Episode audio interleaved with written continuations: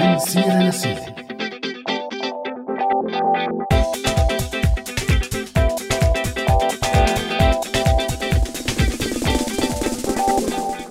أهلا وسهلا بحلقة جديدة من برنامج من سيرة لسيرة. معي أنا عزة. ومعي أنا همام. بحلقة اليوم رح نحكي عن موضوع كتير مننا تعرض له. بعد كل شي صار بسوريا من هجرة ولجوء. فرح نحكي عن تغيير المهن أو تغيير الاختصاص. تغيير الاختصاص؟ شو نحن أطباء همام لك إيه ستي اختصاص بكل شيء ويا ستي حتى بالطب والهندسة كمان. معك حق. جزء كبير مننا اضطر إنه يغير وأحيانا يقلب حياته فوقاني تحتاني قبل لما كنا بسوريا في كتير من العائلات مو بس بتقرر شو اسمه المولود الجديد لا بس بتقرر حتى شو بده يشتغل بالمستقبل.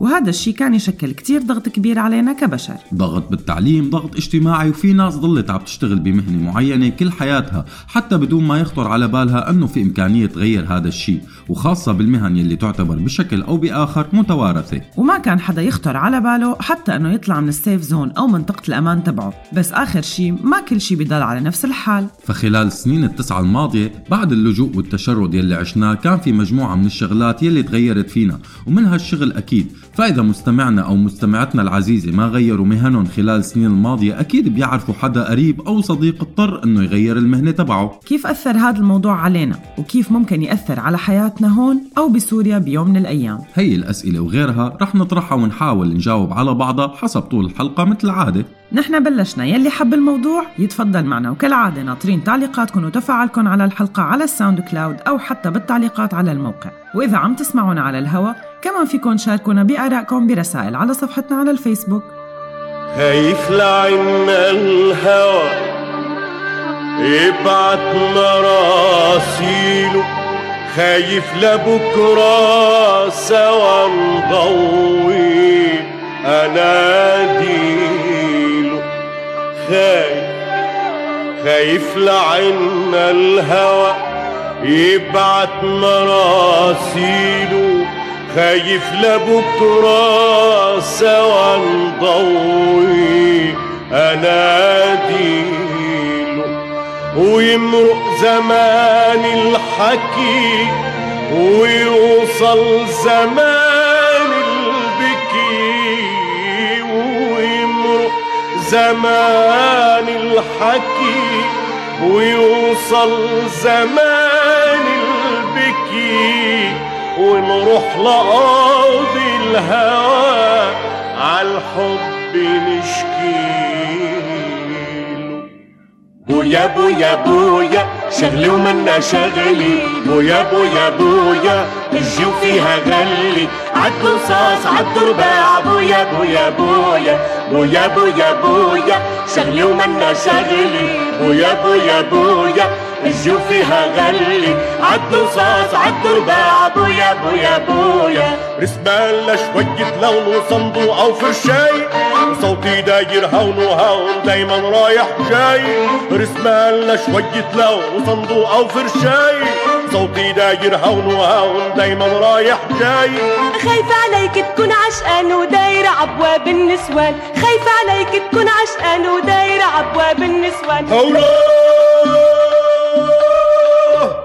من بده يلفي ضفران بويا بويا بويا سؤال حلقتنا لليوم مستمعينا. إذا اضطريت تغير مهنتك أو شغلك شو الشغل يلي بتحب تشتغله؟ وهل أصلا بتحب شغلك الحالي؟ ولتجاوبوا على سؤال حلقتنا لليوم. تقدروا تتواصلوا معنا على مواقع التواصل الاجتماععي فيسبوك وتويتر أو من خلال رسالة صوتية أو مكتوبة على رقم واتساب 00962 7798 51210 عنا ولاد وناطرين بالضحك بيتسلوا عالبوابة ناطرين يكبروا ويفلوا. عنا ولاد وناطرين بالضحك بيتسلوا عالبوابة ناطرين يكبروا ويفلوا. بدو الخبز وعلم ولبس وبدو اللعب من البياع بدو الخبز وعلم ولبس وبدو اللعب من البياع الله! بدو المال والبيت رباع بويا بويا بويا شغلي ومنا شغلي بويا بويا بويا الجو فيها غلي عد رصاص عد رباع بويا بويا بويا. واحد اثنين ثلاثة. ربع. واحد اثنين ثلاثة. ربع. كريجي انصاصي كريجي أربع لقي من غماس بويا؟ هبويا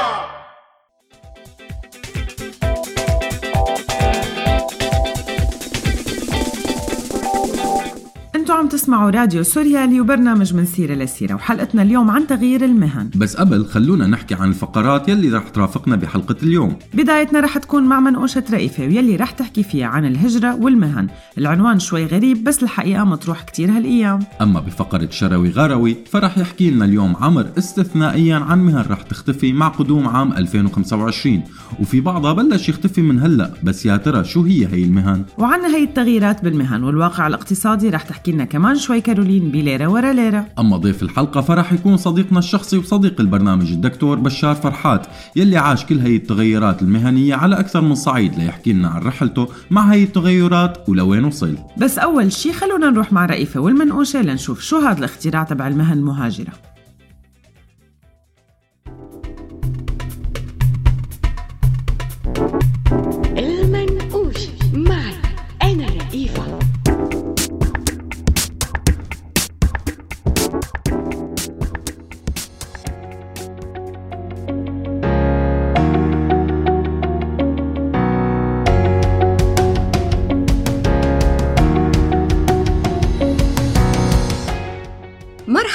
معي أنا رئيفة ومنقوشة جديدة. اليوم رح نحكي عن المهن المهاجرة. من وقت ما كنا صغار كانوا يحكوا لنا بالمدارس وبحصص القومية وبنشرات الأخبار عن سرقة العقول العربية. وإنه قديش نحن فظيعين وهالغرب عم ياخد منا كل الخبرات. كبرنا شوي وشفنا شلون بيرجع المهندس يلي عامل دكتوراه باختصاص كتير نادر. بالهندسة الفضائية بيرجع بيشتغل موظف بوزارة الزراعة. وشفنا أطباء بشهادات عليا واختصاصات نادرة عم يتوظفوا بمناطق نائية ليخسروا سنين الدراسة تبعهم. وشفنا فنانين تشكيليين خريجين فرنسا وأمريكا عم بيتحولوا لموظفين بمؤسسة. ومخرجين ممكن يعملوا فرق بدون واسطة. عم يتوظفوا بدوائر صغيرة بالتلفزيون. وهلم جرة. وبالآخر في مؤامرة من الغرب علينا. بس بالآخر كتير من اختصاصيينا ومهننا سافرت للغرب أو راحت للخليج. وكانت من أكثر المهن المهاجرة للخليج بالستينات والسبعينات من القرن الماضي مهنة التعليم. المهم دائما كان في هجرة المهن. والوظائف حسب الطلب. بس اليوم هي الظاهرة عم تكبر وتكبر. واليوم كمان صارت كثير من أنواع الهجرة مبنية على أنواع مهن كثيرة. فإذا رحنا على مواقع سفارات مثل كندا وأستراليا منلاقي في وظائف بعينها مطلوبة للهجرة. وبلشت بعض الدول يلي ما كانت تطلب الهجرة المهنية تشتغل بهذا المبدأ ومن هي الدول؟ ألمانيا. يلي بيشهد اقتصادها نمو كبير وعلى الرغم من الأعداد الكبيرة من اللاجئين يلي عم تستقبلهم وعلى الرغم من التركيز الكبير على التعليم والتخطيط للمستقبل إلا أنه عم بيصير عندها نقص بعدد من المهن والوظائف يلي عم تتطلب مهاجرين جدد ليغطوها. سلام.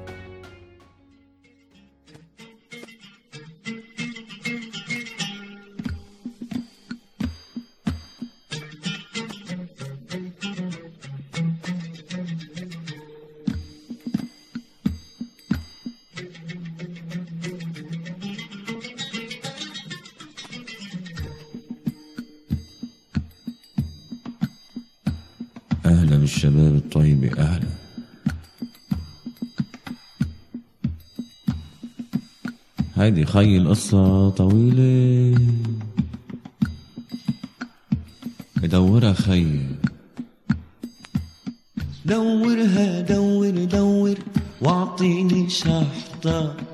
قبل ما تجي تجي تجينا الشرطة دورها دور دور دورها دور دور. دورها دور دور ما بدي أصحى. دورها دور دور واعطيني شحطة قبل ما تيجي تيجي تيجينا الشرطة دورها. دور دور. دورها. دور دور. دورها دور دور ما بدي اصحى ناس بتحكيني قاسي. آه يا قاسي. ناس بتحكيني فصحى لونها الصفحة فتل راسي يا ناسي مش رح بالحكي اصحى قاسي والزمن ناسي ضاعت الفرحة. دورها دور محمد الشامي جاوب على سؤال حلقتنا لليوم وقال حاليا أنا شيف مطبخ وكرهان حالي منها وعلى اشتغل كوافير نسواني. وآلاء سليمان جاوبت على السؤال وقالت ليش مين بيحب شغله؟ كله بيشتغل مشان المصاري ما بدي اصحى يا حبيبي بيبي بيبي يا حبيبي بيبي بيبي يا حبيبي بيبي بيبي شفطتك فيني نياني نيا نيا. حاني نسيني طيرني طير طير. تنحكي صيني. متشن شو ما متشن شي متشن شو ما متشن شي متشن شو ما متشن شي يلعن هالعيد شي متشن شو ما متشن شي يلعن هالعيد شي آه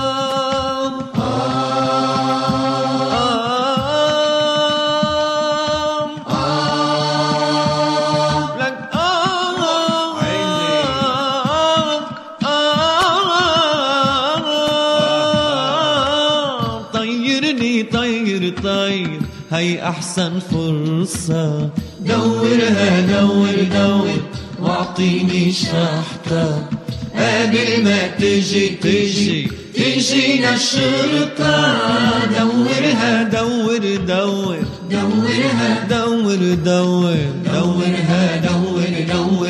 ما بدي أصحى. دورها دور دور.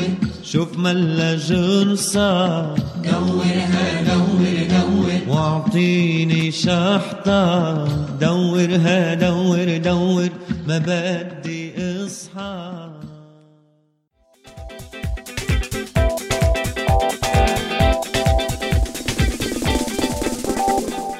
ورجعنا لكم مستمعينا أنا همام معذب الجزء الأول من حلقتنا لليوم من سيرة لسيرة ومثل ما صرتوا تعرفوا حلقتنا اليوم عن تغيير المهن بالعموم وعن تغيير المهن يلي اضطر كتير من السوريين يعملوه بسبب الأوضاع بعد اللجوء. رح نحكي بالقسم الأول عن تغيير المهن يلي اضطرينا نعمله ببلدان اللجوء ففجأة كتير من السوريين لاقوا حالهم قدام ضرورة إنه يغيروا مهنتهم وللأمانة نحن من هدول الناس يلي اضطرينا نغير مهنتنا. فأنا راقص بالأساس وأستاذ رقص وتعرفت على راديو سوريالي لأول مرة لما عملت معي هاني السيد وعروة عيادة لقاء بحلقة من حلقات برنامج أيام اللولو. عن الرقص أنا وعزة وما كان إلي علاقة أبدا بعالم لا المكساج ولا المونتاج وما كان ببالي غير مهنتي أساسا.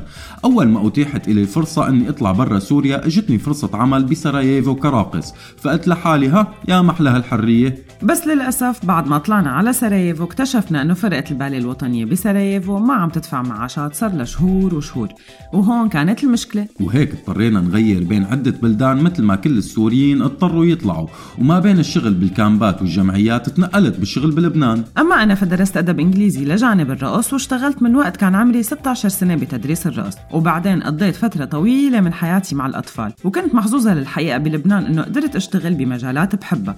مدري ليش حاسة حالي عم بكتب CV. المهم آخر شي وصلنا على فرنسا. وبين عوائق اللغة والعلاقات بين الناس كان في واجب علينا انه نغير كثير من الأشياء ومنها كان تغيير مهنتنا ويلي هو شيء صعب كثير بالنسبة لكل اللاجئين ومو بس اللاجئين السوريين. وهيك بعد سنين من الرقص بلشنا رحلة جديدة مع مهنة تقديم والإعداد من أول وجديد. ومن بلشنا من جديد استمدينا عنوان مجموعة من الحلقات بالبرنامج الأول يلي كنا نقدمه على هوا راديو سوريالي. لنتابع حركة المواهب السورية يلي عم ترجع تقلع بالغربة. على كل حال بعيدا عن قصتنا الشخصية في كتير من الأسباب يلي أدت لهذا التغيير. فلما الناس طلعت من بيوتها ما كانوا حاسبين كل هالحسبة. طلعنا وكالعادة نفس الجملة كنا مفكرين حالنا راجعين.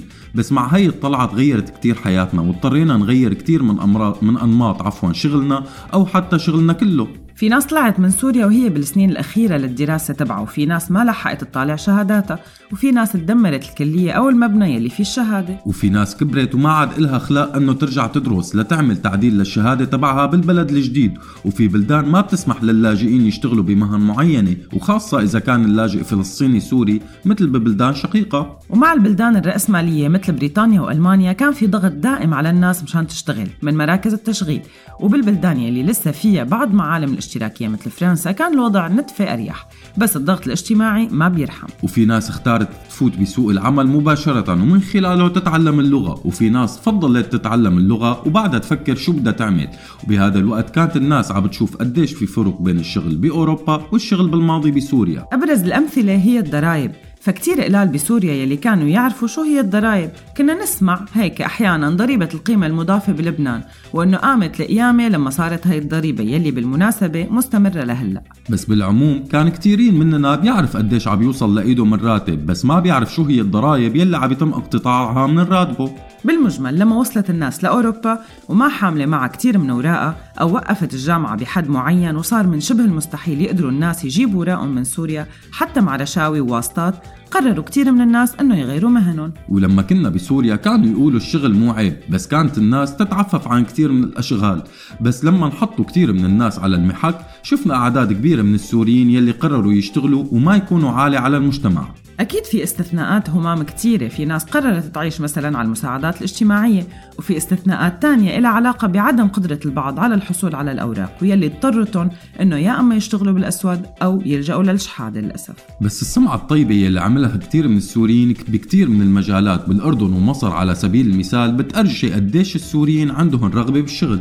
كتير مننا اشتغلوا بمهن هن كتير بعاد عنا. فمنعرف أطباء اشتغلوا بمهن بتطلب جهد كبير مثل النقل والشحن. وسمعنا عن كتير من أصحاب الأموال سابقا يلي نزلوا على سوق العمل كطباخين. وفي كتير من الناس يلي خضعوا لدورات تدريبية بمجالات جديدة كليا عليهم ليبلشوا يشتغلوا بأشياء متنوعة بتبلش من النجارة للبرمجة. فعلا في ناس رجعوا اكتشفوا حالهم بهي المهن الجديدة ولاقوا مجالات ما كانوا بيعرفوا بوجودها. وفي ناس لسه عم بتدور ومو رضيانة بس حبت الخبرة يلي اكتسبتها عبر السنين. من المهن يلي طلعت فجأة غيرت كتير من الناس مع بداية الثورة بسوريا هي مهنة الصحفي، الفنان والعامل الإغاثي وعدد كتير كبير من المدراء. الحقيقة في أشخاص ترفع لهم القبعة على الشغل يلي اشتغلوه وفي ناس الله يكسر إيديهم على هيك منتجات. بس للحقيقة شفنا عدد كبير من المواهب وبرأيي الشخصي إنه لازم دائما تتاح الفرص للأشخاص يغيروا ويستكشفوا. أعزائنا المستمعين فيكم تتركونا بتعليقاتكم عن مهنكم وآرائكم بهي الحلقة وغيرها دائما من الحلقات على كافة وسائل التواصل الاجتماعي أو حتى على ال SoundCloud. أما نحن فصار لازم نروح لفاصل وفقرة جديدة فخليكم معنا. ليرة ورا ليرة. معي أنا كارولين.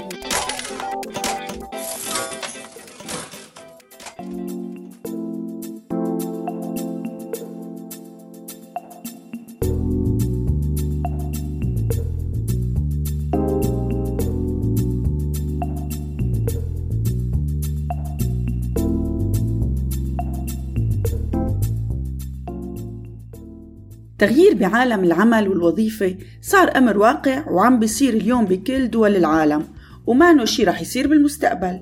عم نسمع كل يوم عن عدد هائل من المعامل اللي عم تلجأ بكتير من الوظائف للروبوتات.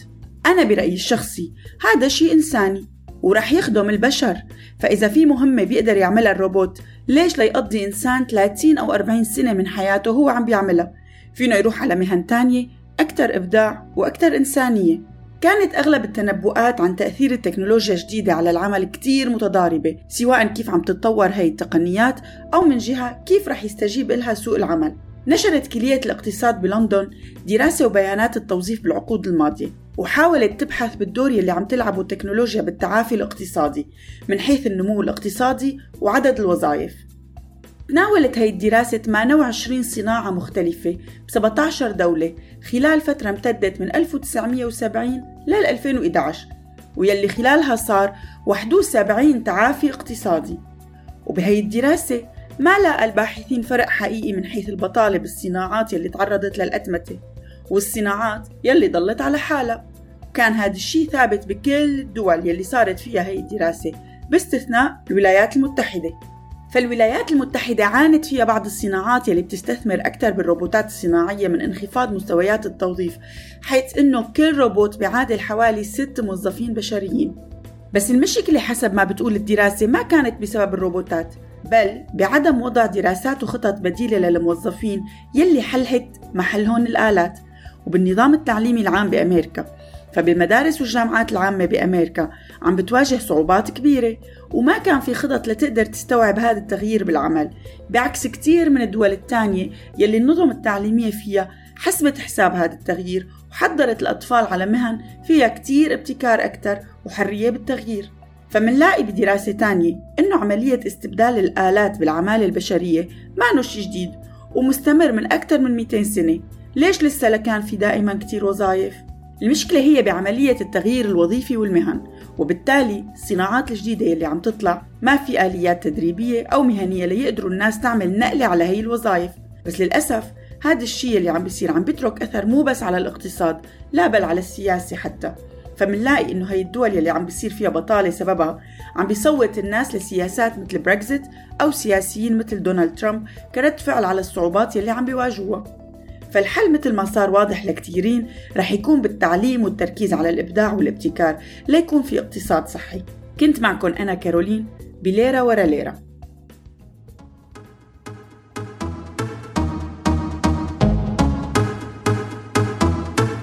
Alors on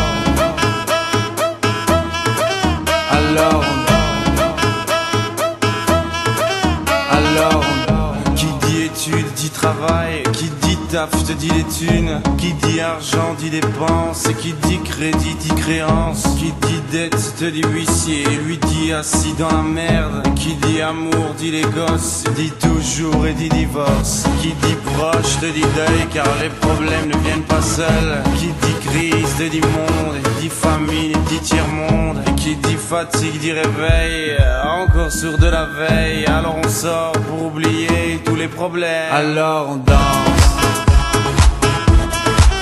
Alors on danse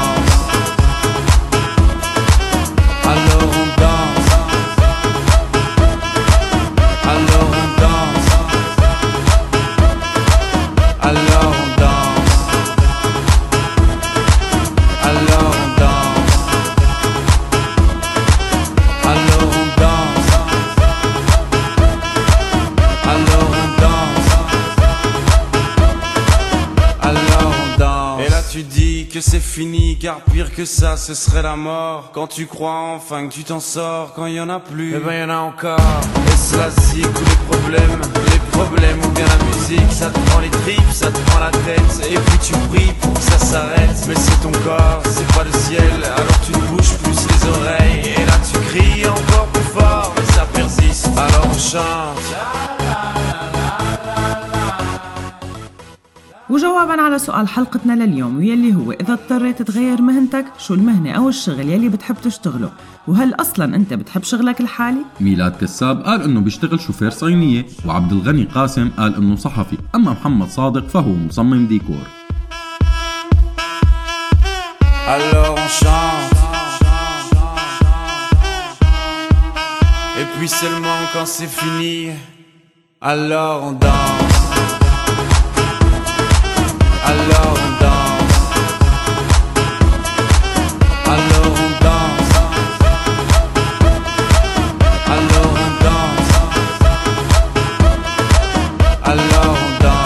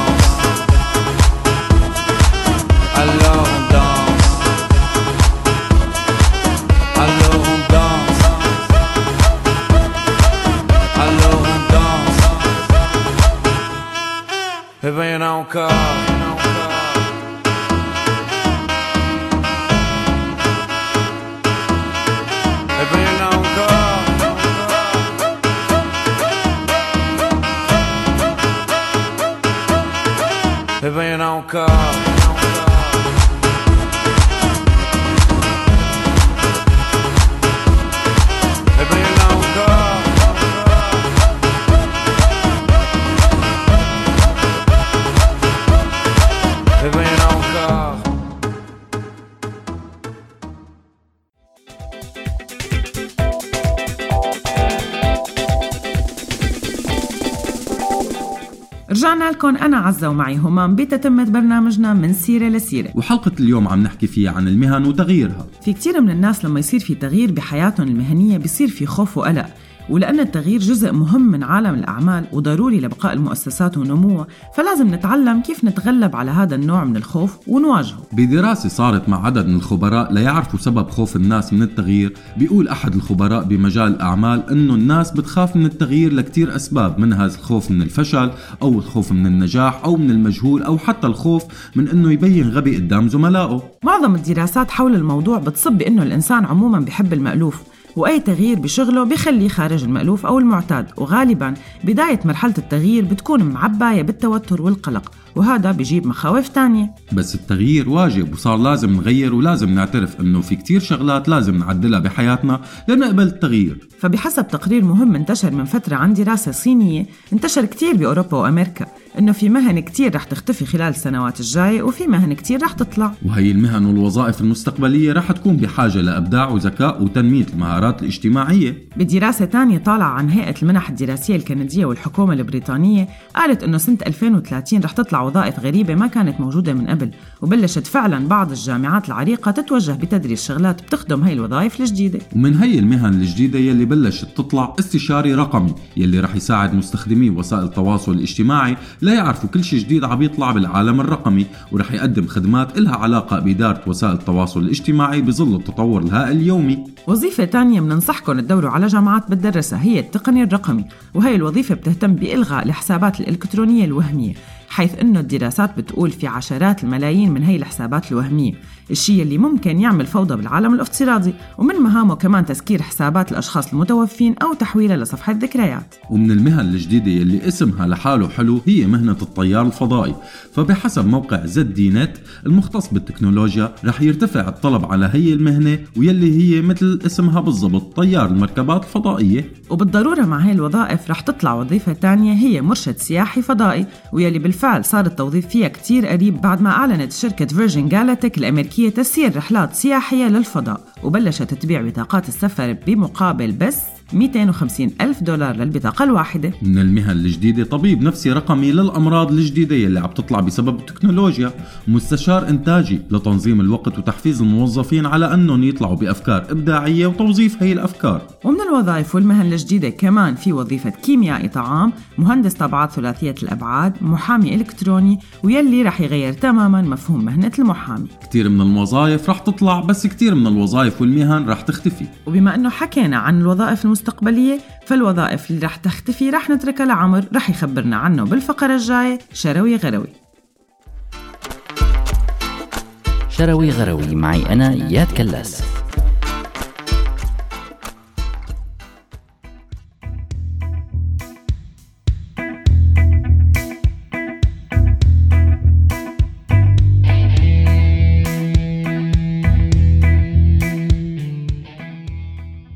مرحبا معي أنا عمر بدل إياد كلاس بفقرة جديدة من شروي غروي بهي الفقرة رح نحكي عن مهن رح تنقرض خلال السنين ال 15 الجاي. فكتير من الباحثين عم يحكوا اليوم إنه تقريبا في 50% من المهن الموجودة رح تصير بخبر كان لما تجي السنة 2025 بما إنه عالم الروبوت والتكنولوجيا عم تحل محل البشر شوي شوي وطالما ضل الذكاء الصناعي عم يحل محل العنصر البشري فراحت علينا. بتقرير عملوه شركة CBRE وشركة Genesis بيقول إنه الناس رح يشتغلوا مهن فيها إبداع وإنتاجية أكثر التقرير اللي عنوانه إلى الإمام سريعا 2030 اشتغل على مقابلات مع 200 شخصية من الخبراء وقيادات الأعمال والشباب. وبيقول أحد الباحثين بشركة مايكروسوفت بهذا التقرير أنه رح تعمل الأتمتة والروبوتات تغيير كبير بعالم الوظائف بس بنفس الوقت رح تخلق فرص عمل تاني ورح يكون هذا بحاجة لعدد أكبر من الوظائف مستقبل يلي لازمها إبداع ومهارات اجتماعية وأكيد ذكاء.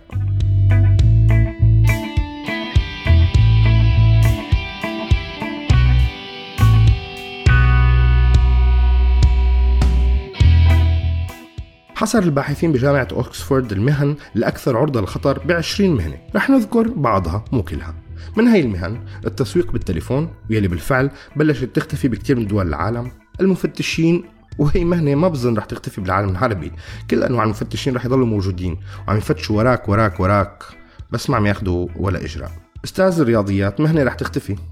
جاء على بالي اتصل بأستاذ الرياضيات لاطمن عليه شو عم يساوي. وكلاء التأمين كمان المهنة رح تختفي بس شو بيشتغلوا؟ الساعات هي. يعني خيو إذا عطلت ساعتك عزيزي المستمع روح هلأ صلحها لأنه بعد كم سنة ما راح يكون في ساعات هي. موظفي الضرائب وهذا الشيء بيعني إنه ما عاد فينك تعصب أو تسب موظف الضرائب لأنه راح يكون في كمبيوتر على الطرف الثاني.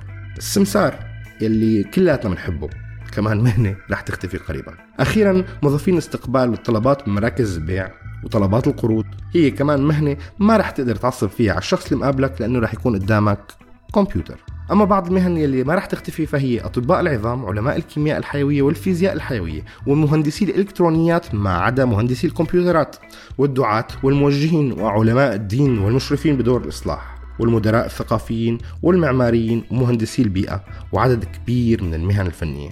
الحمد لله بنشتغل بمهن الفنية. الحقيقة القائمتين أطول من هيك بكتير بس حاولت أختصر بكتير. بالمناسبة مهنة المذيع مهنة مهددة بالانقراض كمان فممكن كتير ما أكون أنا اللي عم يقدم الفقرة بل ببساطة روبوت إذاعي. سلام.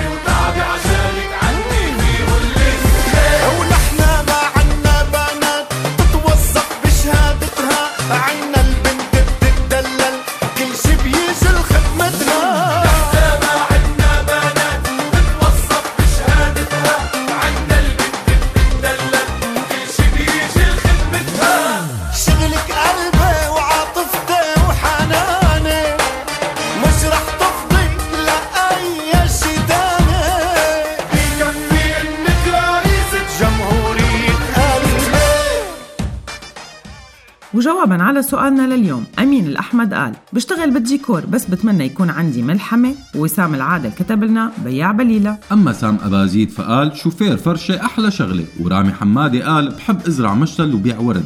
بس منصور أبو الغيث قال بقص إيدي إذا في حدا بيحب شغله.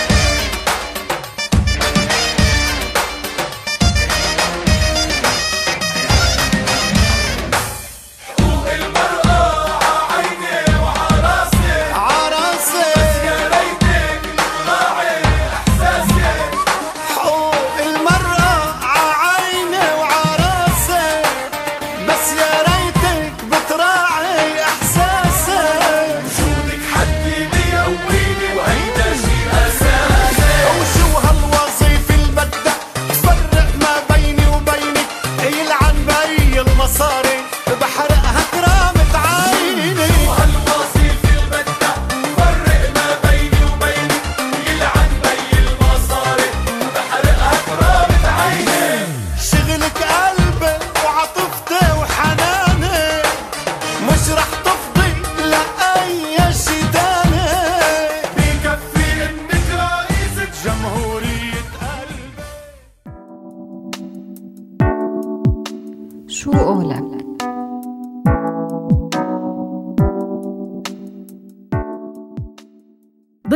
صديق لراديو سوريالي ولإلنا. درس الطب بسوريا وكان عم يختص بطب الأطفال باللاذقية لما بلشت الثورة. الثورة يلي وقف بصفها وتعرض للاعتقال مرتين خلالها. طلع من سوريا للبنان. وهنيك مارس عدة أنشطة ومهن ليسافر من بعدها على بريطانيا. ويغير تماما مهنة الطب ويشتغل بتدريس الأطفال. وأخيرا يمكن يرجع على الطب.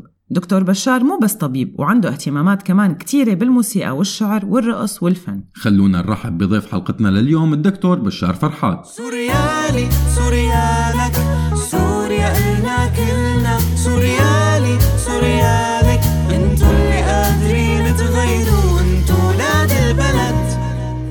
دكتور بشار مساء الخير وأهلا وسهلا فيك ضيف عزيز ببرنامج من سيرة لسيرة على هوا راديو سوريالي. أهلا وسهلا فيك دكتور بشار. أهلين همام يا هلا. يا هلا. آه، بداية بشار آه، بدك تحكي لنا أو بالأحرى تخبر المستمعين شو هي المهن يلي اشتغلتهم بالسنين الأخيرة بعد الثورة ولو باختصار يعني. أكيد. الحقيقة أول شيء بلبنان اشتغلت بمنظمات اشتغلت بالإغاثة وبالمخيمات بعدين بعد ما طلعت على بريطانيا صار أول سنة اشتغلت إني عم دور على شغل. قعدت شيء سنة دوام كامل هي. بعدين تطوعت بكذا منظمة تشتغل مع اللاجئين بالمنطقة اللي كنت فيها. بعدين قدرت لاقي شغل بمدرسه ثانوية هون ب- ببريطانيا بلندن. اشتغلت مساعد مدرس لسنة بعدين درست لسنة. أم، بعدين وقفت وبلشت بإجراءات تعديل الشهادة مشان أرجع لموضوع الطب. طبعا هي غير أنه بسوريا كمان اشتغلت كطبيب أطفال مختص. إيه بسوريا آه، كنت عم بختص بمجال طب الأطفال بس بتعرف بعد ما طلعت صعب تشتغل بنفس الشهادة بأي بلد تاني بدها إجراءات وقصص و... أكيد وخصوصا الطب يعني مجال الطب كثير معقد وخصوصا بالدول الأوروبية بتخيل. أكيد الموضوع له علاقة بسلامة ناس بالصحة اللي هي شيء كتير مهم فما بيقدروا آه، أي حدا جاي بأي شهادة من أي بلد يقولوا له اشتغل فورا. فغالبا بتكون بظن مثل كتير مهن كمان بدها شيء مثل تعديل الشهادة يتأكدوا أنه قادر أنت تشتغل بهي البلد وتلتزم بقوانينها وبإجراءات الم- المتعارف عليها فيها. طب أنا ما رحبت فيك بشار مرحبا وأهلا وسهلا فيك. معنا اليوم همام فات دغري بالأسئلة. أه بدي صار دوري هلأ بالأسئلة. شو هي أكثر مهنة حسيت بشار إنه ممكن تكمل فيها من بين كل المهن يلي يلي جربتها؟ أهلين عزة أول شيء. بالنسبة لموضوع المهن الحقيقة أكثر شيء حسيته قريب لإلي وكان ممكن كمل فيه هو موضوع التدريس. أنا بشكل عام حتى من وقت كنت بسوريا كنت استمتع بموضوع التدريس. بعدين أه، هون بال- بالنظام موجود بالمدارس بالمجال اللي بيعطوه للمدرس بحيث إنه يكون خلينا نقول عم يبدع وعم عم يعمل الشيء اللي بيحبه. هيك حسيت إنه أه، كتير كان ممكن استمر بهي المهنة ولكن كان دائما في هذا الشعور إنه لا أنا في عشر سنين من حياتي كانوا بالطب وحرام. أه، إلغي كل هاي, هاي العشر سنين وأبدأ أه، مهنه جديده من الصفر. فبالآخر رجعت لموضوع إنه لا لازم اعدل شهادتي وأرجع لموضوع الطب وغالبا هو الخيار الأنسب. طيب رح نضل بموضوع الطب بشار. قرينا بفترة من الفترات بأحد المقالات أنه كتير من المهن الطبية عفوا المهن الطبية مهددة بالزوال باستثناء بعض الاختصاصات مثل يمكن طب الأطفال وجراحة العظام. فقديش الأتمتة والروبوتات رح تأثر على مهنة الطب, الطب عفوا بالسنين الجاية؟ الحقيقة يعني هذا الموضوع مؤثر على كتير مهن. بس بظن الطب تحديدا هو من آخر المهن ممكن تأثر لأنه العامل البشري بموضوع الطب كتير مهم. أه، المحاكمة العقلية وقدرة الطبيب على تحليل أه، شو عم يصير مع المريض ويربط القصص ببعضها. الحقيقة بظن جدا صعب حاليا بالفترة الحالية أه، يتم خلينا نقول استبدال الدور البشري بموضوع الطبي الآلات والروبوتات. ولكن أكيد في مجالات معينة وخاصة مثلا موضوع الطب المخبري الطب الشعاعي كل هاي القصص ممكن يصير في دور أكبر للآلي فيها. ولكن بالعموم معظم مجالات الطب ظن لسه بعيدين آه، عن أنه يتم استبدال الأطباء بروبوتات أو آلات أو إلى آخره. طب بشار قديش مهم برأيك تغيير المهن اليوم؟ وقديش بيضيف هذا الموضوع على حياة الإنسان برأيك؟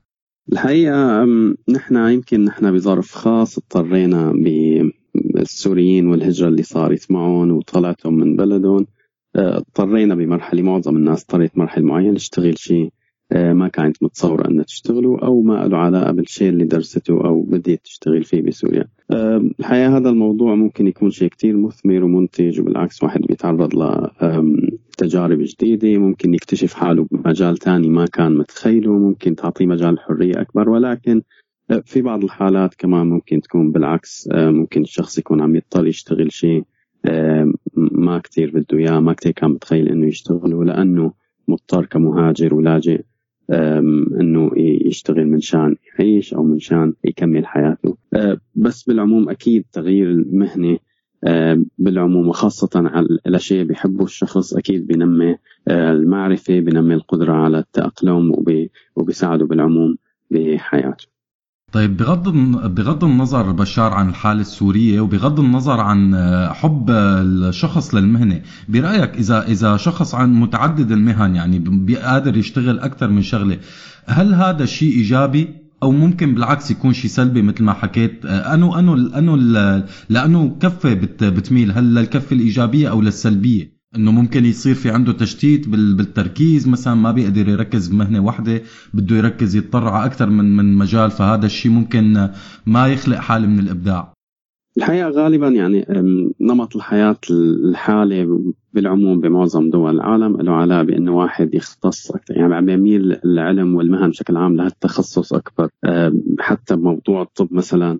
ما بقى في هاي الاختصاصات العامة مثلا طبيب أطفال بالعموم أو كذا. صار في مثلا طبيب أطفال أمراض دم طبيب أطفال آه، أمراض صدرية. بالعموم الحركة العامة أكيد باتجاه تخصص أكثر. وغالبا إبداع الشخص بيكون كل ما تعمق بمجال معين أكثر من غيره ولكن لا مانع يكون ما يعرف عن باقي المجالات. بس أنا بميل بالعموم لأنه آه، أكيد الأفضل يكون الشخص متخصص بمجال معين وممكن يتطور بهذا المجال.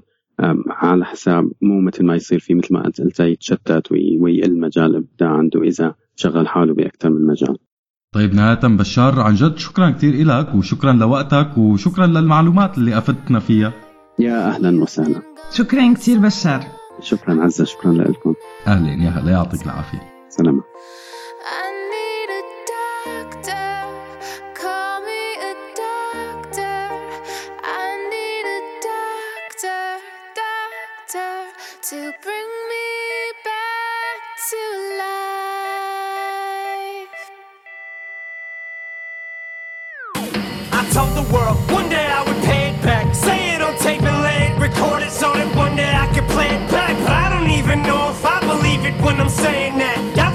Creeping every day is just so gray and black. Hope I just need a of that. Cause no one sees my vision when I play it for them. They just say it's whack, but they don't know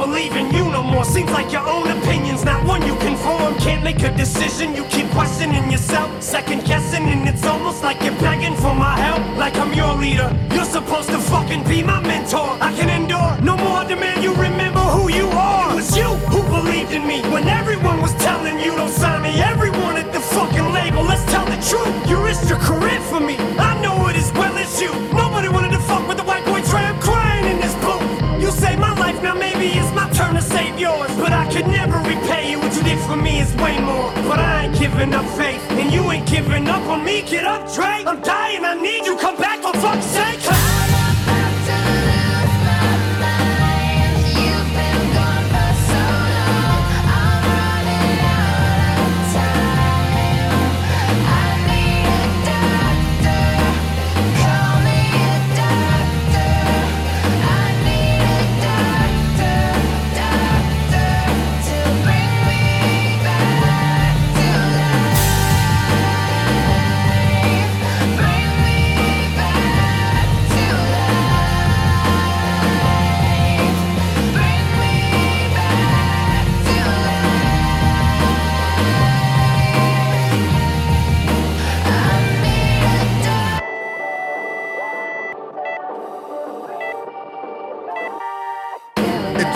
Feels like a lifetime ago. But I still remember the shit like it was just yesterday, though. You walked in, yellow jumpsuit, whole room, crack jokes. Once you got inside the booth, told you. Mike Smoke with the friends, some of them I put on, but they just left. They said they was riding to the death, but where the fuck are they now? Now that I need them, I don't see none of them, all I see is Slim. Fuck all you fair weather friends, all I need is him. Fucking backstabbers when the chips were down, you just laughed at us. Now you about to feel the fucking wrath of aftermath, faggots.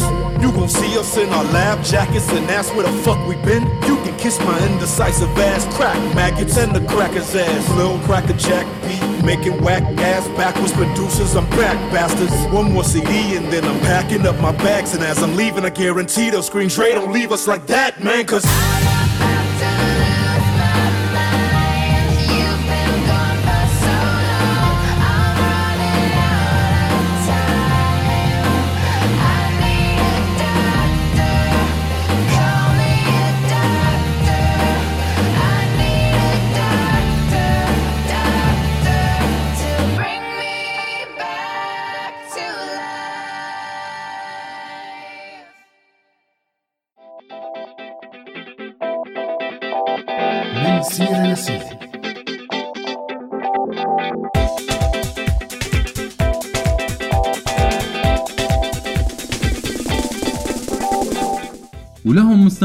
بنكون وصلنا لآخر حلقتنا لليوم. منحب نشكر كل مين شارك معنا أو سمعنا أو دعمنا حتى ب like. على أمل نلقاكم بحلقة جديدة من برنامج من سيرة لسيرة. منودعكم وبنتمنى تضلوا على هوا راديو سوريالي. شكرا كثير لكم مستمعينا وشكر لكل فريق الحلقة من إعداد وإخراج وتقديم والبث وفريق التواصل الاجتماعي. وهلأ صار لازم نقلكم. bye.